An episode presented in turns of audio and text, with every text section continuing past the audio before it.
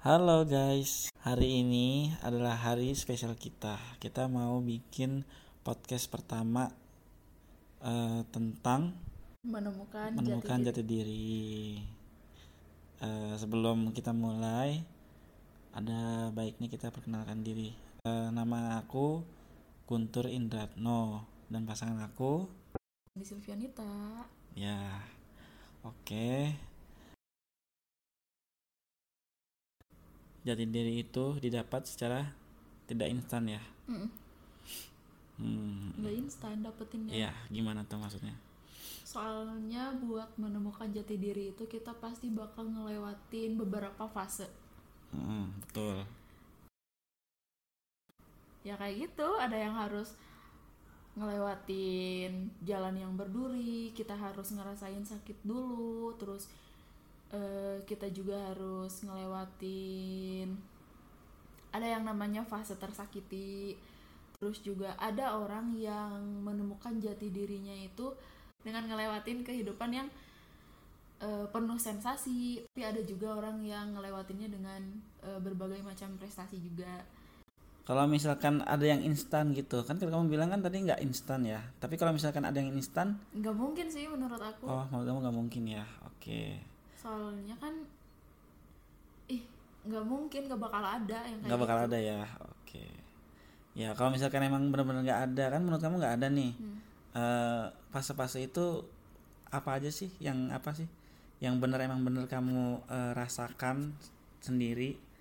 Atau mungkin orang lain juga rasain gitu loh dulu kan aku pernah gagal masuk universitas. Itu kan pasti sakit banget kan? Yeah. itu tuh fase fase fase terburuk lah. Soalnya kan uh, dulu aku uh, kayak mau banget masuk universitas negeri tapi nggak dapet dapet. Itu udah uh, udah apa ya?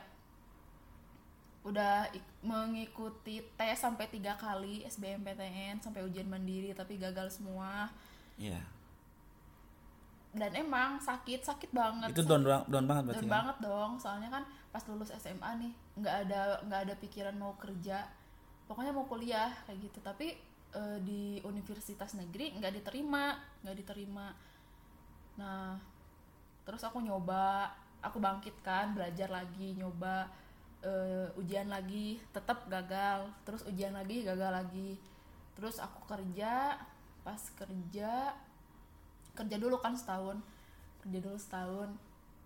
Nah di situ aku baru dapet uh, pencerahan kayak gitu. Pencerahannya lewat lewat apa?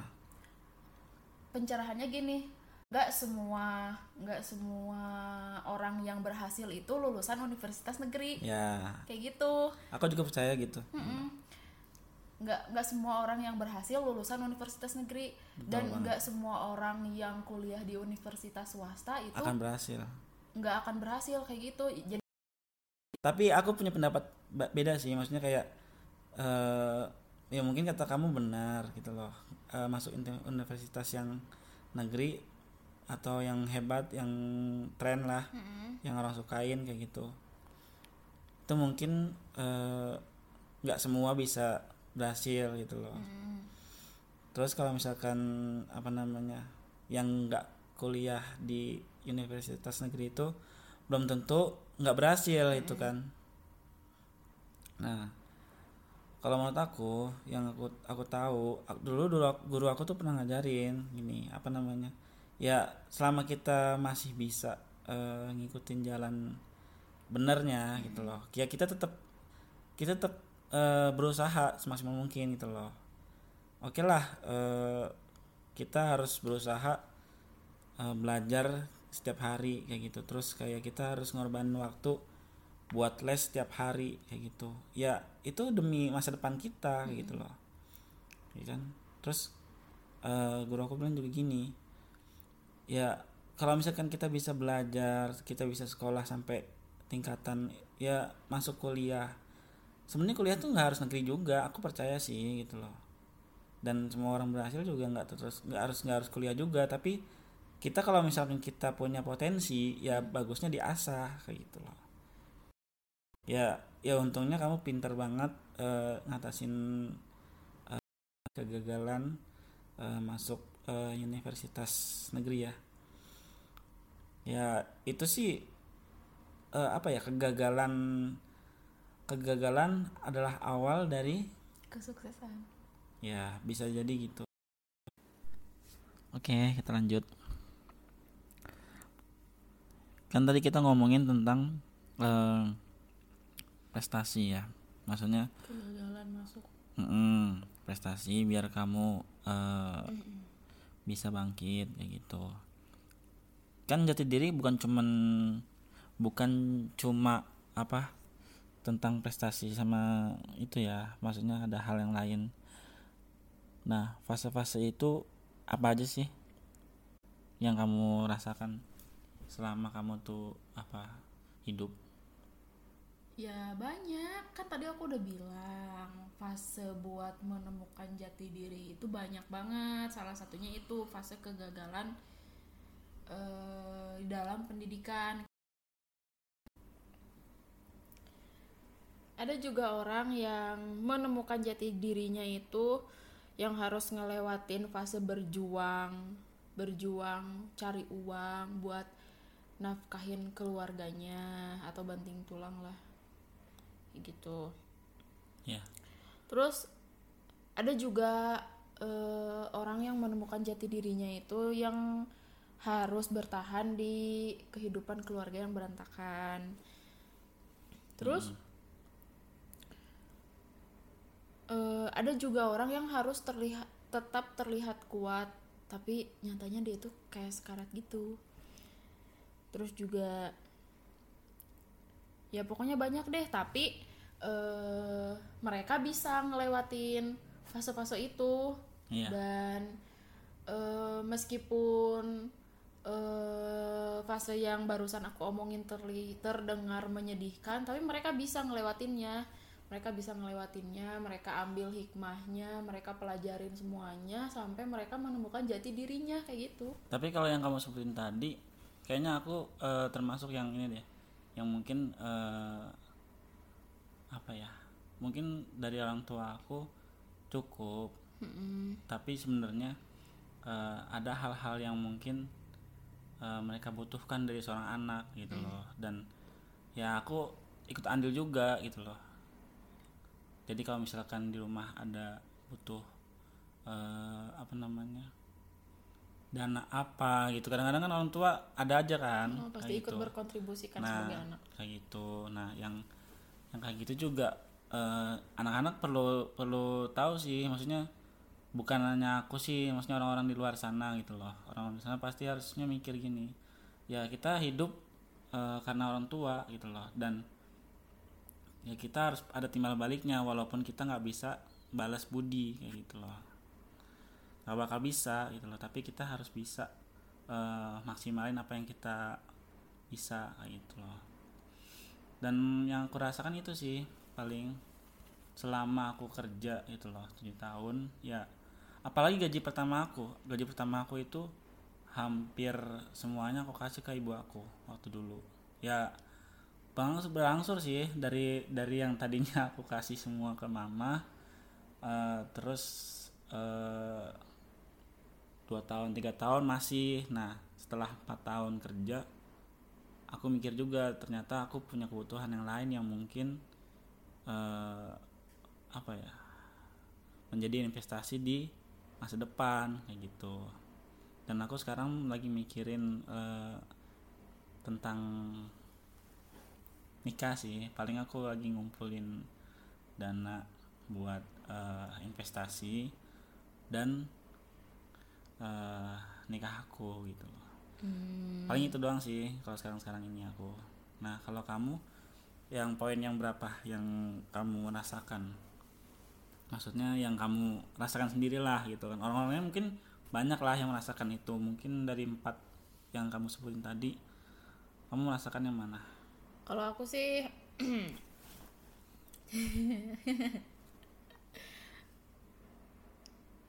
Kalau aku sih dari poin-poin yang barusan aku sebutin, aku ngalamin yang harus nggak nggak berantakan sih. E, keluarga aku nggak berantakan tapi Kak Guntur kan tahu sendiri kalau misalkan orang tua aku udah cerai.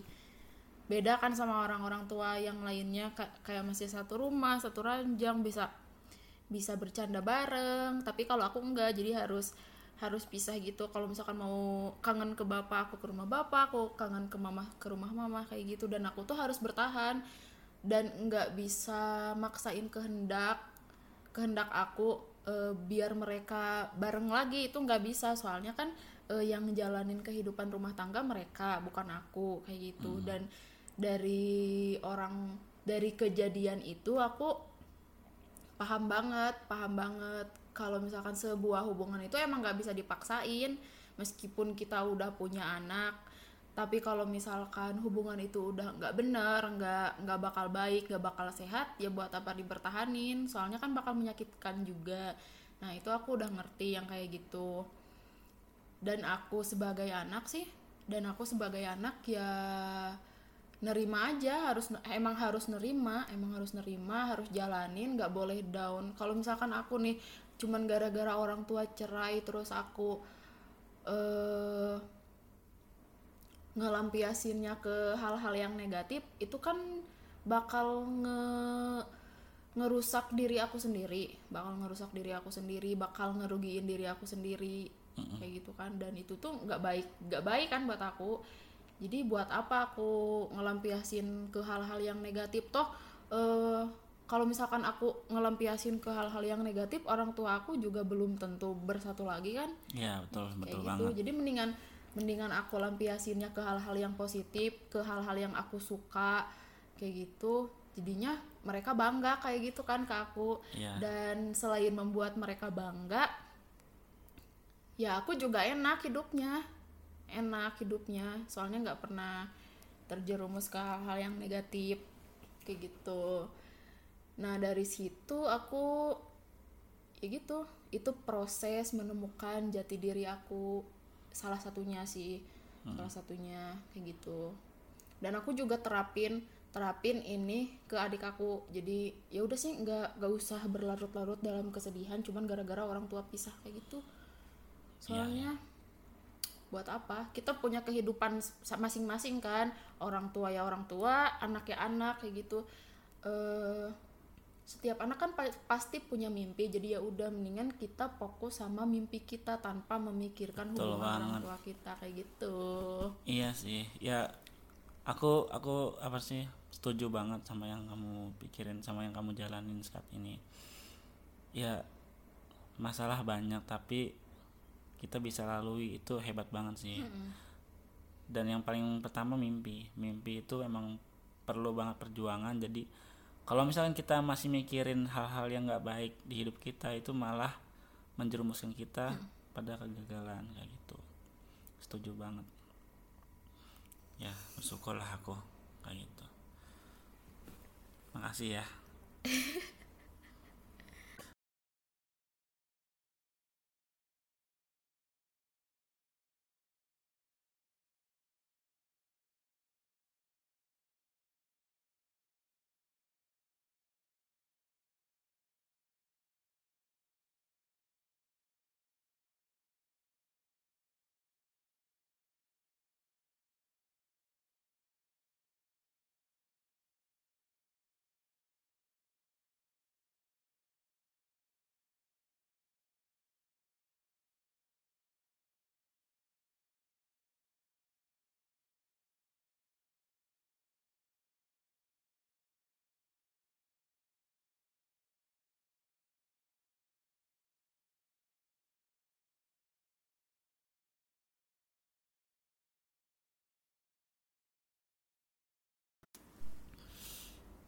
kayaknya kita nggak usah lama-lama deh. Maksudnya ya langsung ke eh, langsung to the point aja ya. Soalnya kalau podcast kelamaan kayaknya bakal boring. boring. Eh, lanjut aja. Berarti inti dari jati diri ini eh, Kayak gimana? kayak gimana?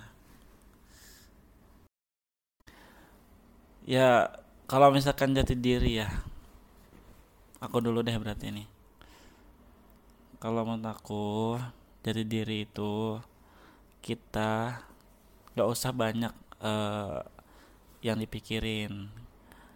Ya soalnya dunia ini nggak cuman pengen lihat kita seneng-seneng. Kayak gitu loh. Kalian juga ada sedihnya juga gitu loh. Dan ya nggak usah ditangisin gitu loh. Kalau misalkan jati diri uh, kita mikir kita mimpi. Mimpi mau jadi investor lah kamu pernah kan bilang ke aku kamu mau jadi investor kayak gitu. Ya lanjutin gitu loh lanjutin jangan menyerah kayak gitu. Dan apalagi kalau misalkan ada orang-orang yang nggak setuju sama uh, pemikiran kamu ya kamu cukup dengerin dan terima apa pendapat mereka ambil baiknya dan buang yang buruk-buruk kayak gitu. Jadi jati diri itu kita percaya sama diri sendiri dan yakin sama apa yang kita bisa kita jalanin apa yang kita mau ya tanpa ambil pusing gitu loh. Jati diri itu ya semua hal yang ada di apa diri kita kita ungkapin semua kita jadiin semua itu menjadi mimpi menjadi impian kita ya kan tanpa ada ragu ragu sedikit pun ragu terus uh, apa ya?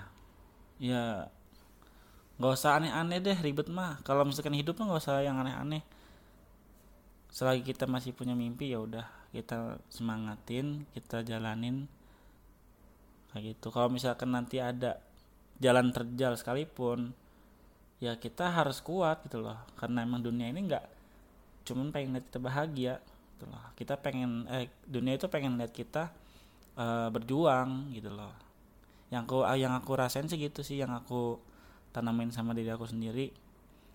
Aku yakin sama diri aku sendiri walaupun uh, banyak permasalahan yang akan menghampiri aku aku bakal bisa karena aku mampu gitu loh. Aku punya pegangan uh, selama aku hidup.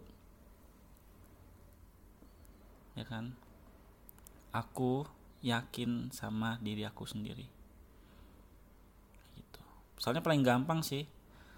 Kita mau apa berharap sama orang ya mungkin orang-orang terdekat ya kayak gitu. Kalau misalkan orang-orang apa yang baru kenal itu mungkin segala apa cuma sekedar ah oh ya halo sampai jumpa udah kayak gitu. Jadi intinya pada diri sendiri namanya jati, jati diri sendiri itu ya untuk diri sendiri eh, apa ya ya semangat lah. Semangat intinya semangat. Bukan di kata menyerah kayak gitu.